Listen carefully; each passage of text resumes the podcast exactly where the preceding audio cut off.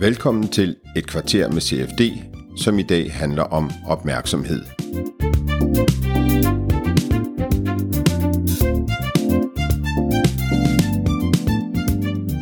Mennesket har syv forskellige opmærksomheder. Vedvarende opmærksomhed, fokuseret opmærksomhed, skiftende opmærksomhed, delt opmærksomhed, afbrudt opmærksomhed, frit flydende opmærksomhed og selektiv opmærksomhed. Og i dag kommer vi omkring tre af dem, når vi taler med en af CFD's psykologer, Ditte.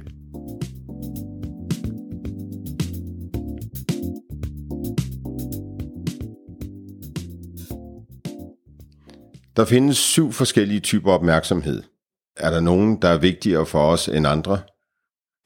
Ja, det kommer vel lidt an på, hvad, hvad man synes er vigtigt, men typisk så vil den fritflydende opmærksomhed og den fokuserede opmærksomhed være vigtige, fordi de er nok meget gamle, sådan rent udviklingsmæssigt, og dem deler vi jo altså også med dyr, også med dyr, som er væsentligt mindre udviklet end os.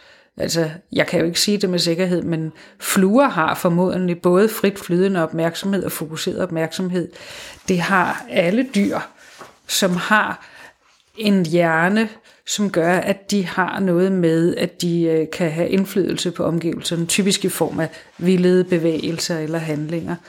Og det er jo fordi, at man er afhængig af at kunne overleve. Og hvis man ikke kan scanne omgivelserne og se, hov, nu sker der en forandring. For os er frit flydende opmærksomhed typisk noget, vi registrerer i forbindelse med bevægelse, men det gør dyr også. Øh, og det er jo der, hvor når der sker en forandring, skal man kunne fokusere sin opmærksomhed på den, og finde ud af, jamen er det en trussel, eller er det ikke? Og den fokuserede opmærksomhed, den bruger, skal vi sige, stort set alle øh, organismer også, fordi at dem bruger vi jo typisk for eksempel bruger dyr den jo, når de jager. Hvis ikke man har en fokuseret opmærksomhed, så er man en meget dårlig jæger. Men man skal jo også bruge sin fokuserede opmærksomhed til at undgå en trussel med. Og det er der jo rigtig mange dyr, som har behov for. Så de to er vel nogle, som er udviklet for rigtig mange tusind år siden. Og så har vi som mennesker måske efterhånden udviklet vores hjernebark til flere og flere raffinementer, og dermed kan vores opmærksomhed også flere og flere forskellige ting. Både den fokuserede og den flydende opmærksomhed er formentlig noget, vi er født med. Og skiftende opmærksomhed er noget, man også meget tidligt kan se hos et lille barn. Allerede når spædbarnet er et par uger gammelt, kan det flytte blikket og skifte sin opmærksomhed, for eksempel mellem mor og far. Den vedvarende opmærksomhed optræder også meget tidligt, hvor man kan se helt små børn holde fokus i lang tid, når de stiger og undersøger ting med øjnene, for at blive klogere på verden.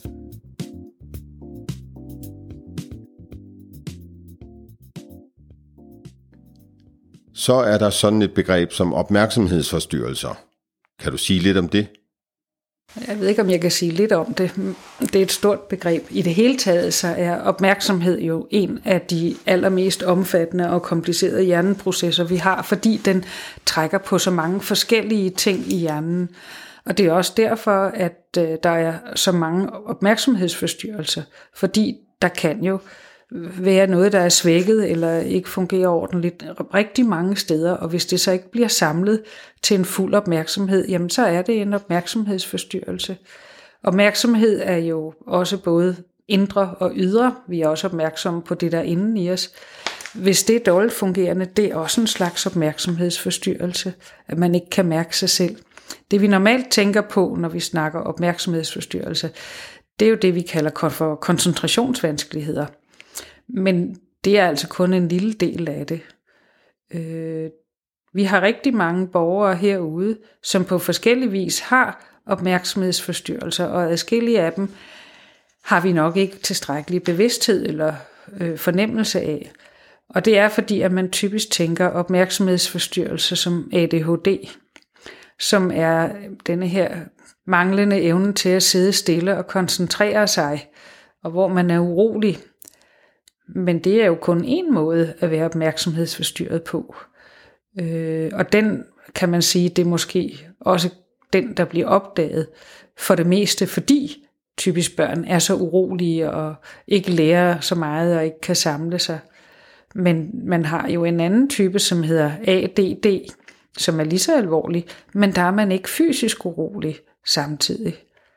Og de har præcis de samme vanskeligheder, både med at lære og i et vist omfang også med at forstå, hvad der foregår omkring dem, men da de sidder mere stille, så opdager man ikke, hvor store vanskeligheder de har.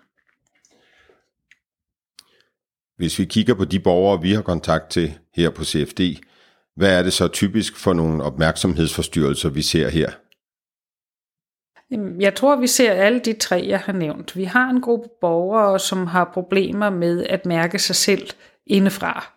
Hvornår er jeg sulten? Hvornår er jeg mæt? Øh, hvornår er jeg træt? Eller hvornår fryser jeg?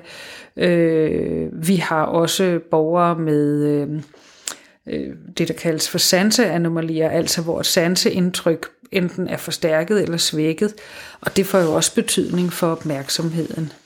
Og så har vi jo selvfølgelig også en gruppe med mm, den mere urolige type, som man populært kalder ADHD. Den hedder faktisk hyperkinetisk syndrom på dansk øh, diagnostik. Øh, men vi bruger jo betegnelsen alligevel. Og vi kan jo selvfølgelig se, at vi har nogle borgere, som er restløse. Altså når voksne har ADHD, så er den motoriske del ofte faldet noget til ro. Øh, men det er folk, som er restløse og øh, måske ikke har så meget situationsfornemmelse, og som øh, øh, har svært ved at blive i et eller andet. Måske også selvom det er noget, der er sjovt og rart og hyggeligt. Og så har vi nok den gruppe, som er mest uopdaget herude, det er dem, som har ADD, opmærksomhedsforstyrrelser. Fordi det er jo en gruppe, som har det problem, at de har rigtig svært ved at holde den fokuserede og den vedvarende opmærksomhed på noget. Og det betyder jo, at hvis de for eksempel kigger på et smukt maleri i mange farver, og bliver ved med at kigge på det, så er der en, som har beskrevet det som, at så er det som om, at farverne blegner, og efterhånden forsvinder de sorte konturer også, så de bare sidder og kigger på en hvid flade i en ramme.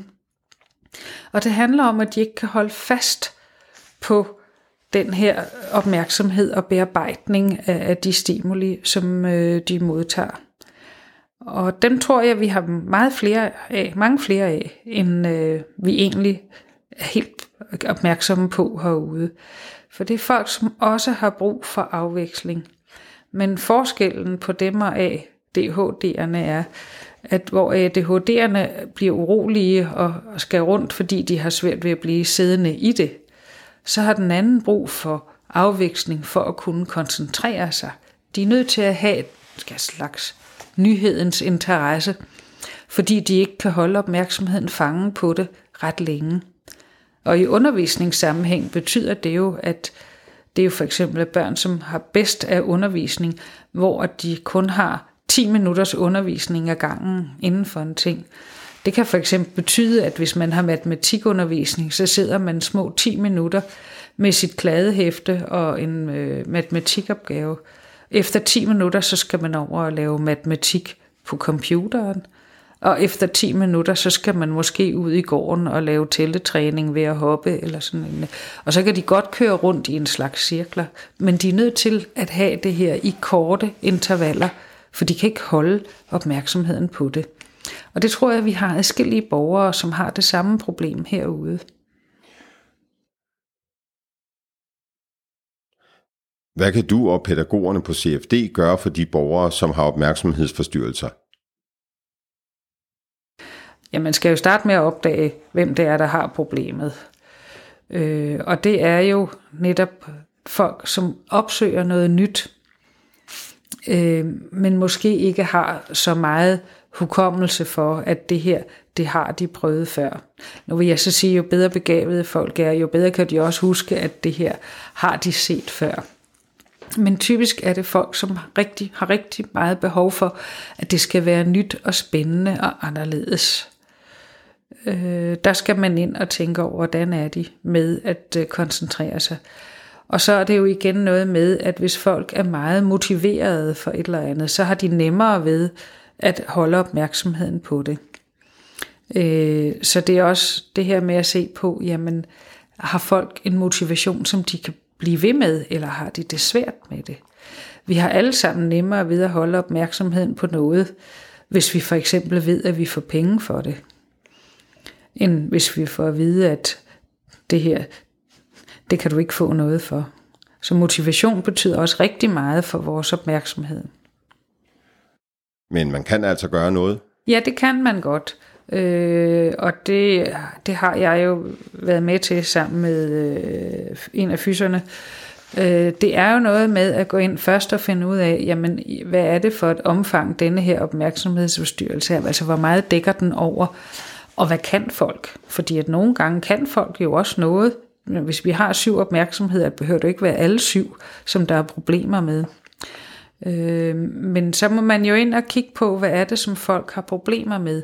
Nogle ting kan man også træne, ikke særlig meget, hvis folk har en opmærksomhedsforstyrrelse og har haft den i rigtig mange år.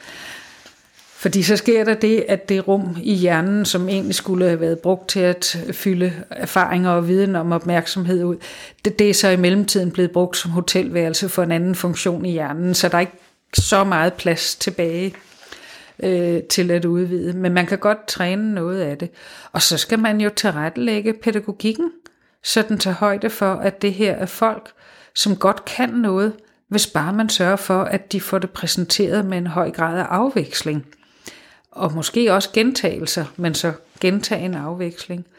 Og nogle af de borgere, vi har, har formodentlig en højere funktionsgrad, end det vi ser hvor vi kan gøre noget ved at hæve funktionsgraden, hvis man går ind og præsenterer et, et dagsprogram eller øh, ting, de skal lære på den her måde, hvor de får det med afveksling og skal arbejde med det på forskellige måder.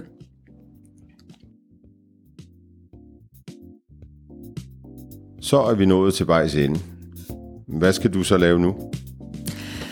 Ja, jeg skal jo ind og rette min fokuserede opmærksomhed på en af CFD's politikker, som skal revideres. det skal også gøres. Tusind tak, fordi du kom forbi og gjorde os klogere på, hvad opmærksomhed er. Selv tak. Det var alt for denne udgave af Et kvarter med CFD. Hvis du vil vide mere om opmærksomhed og opmærksomhedsforstyrrelser, kan du kontakte Litte på ldf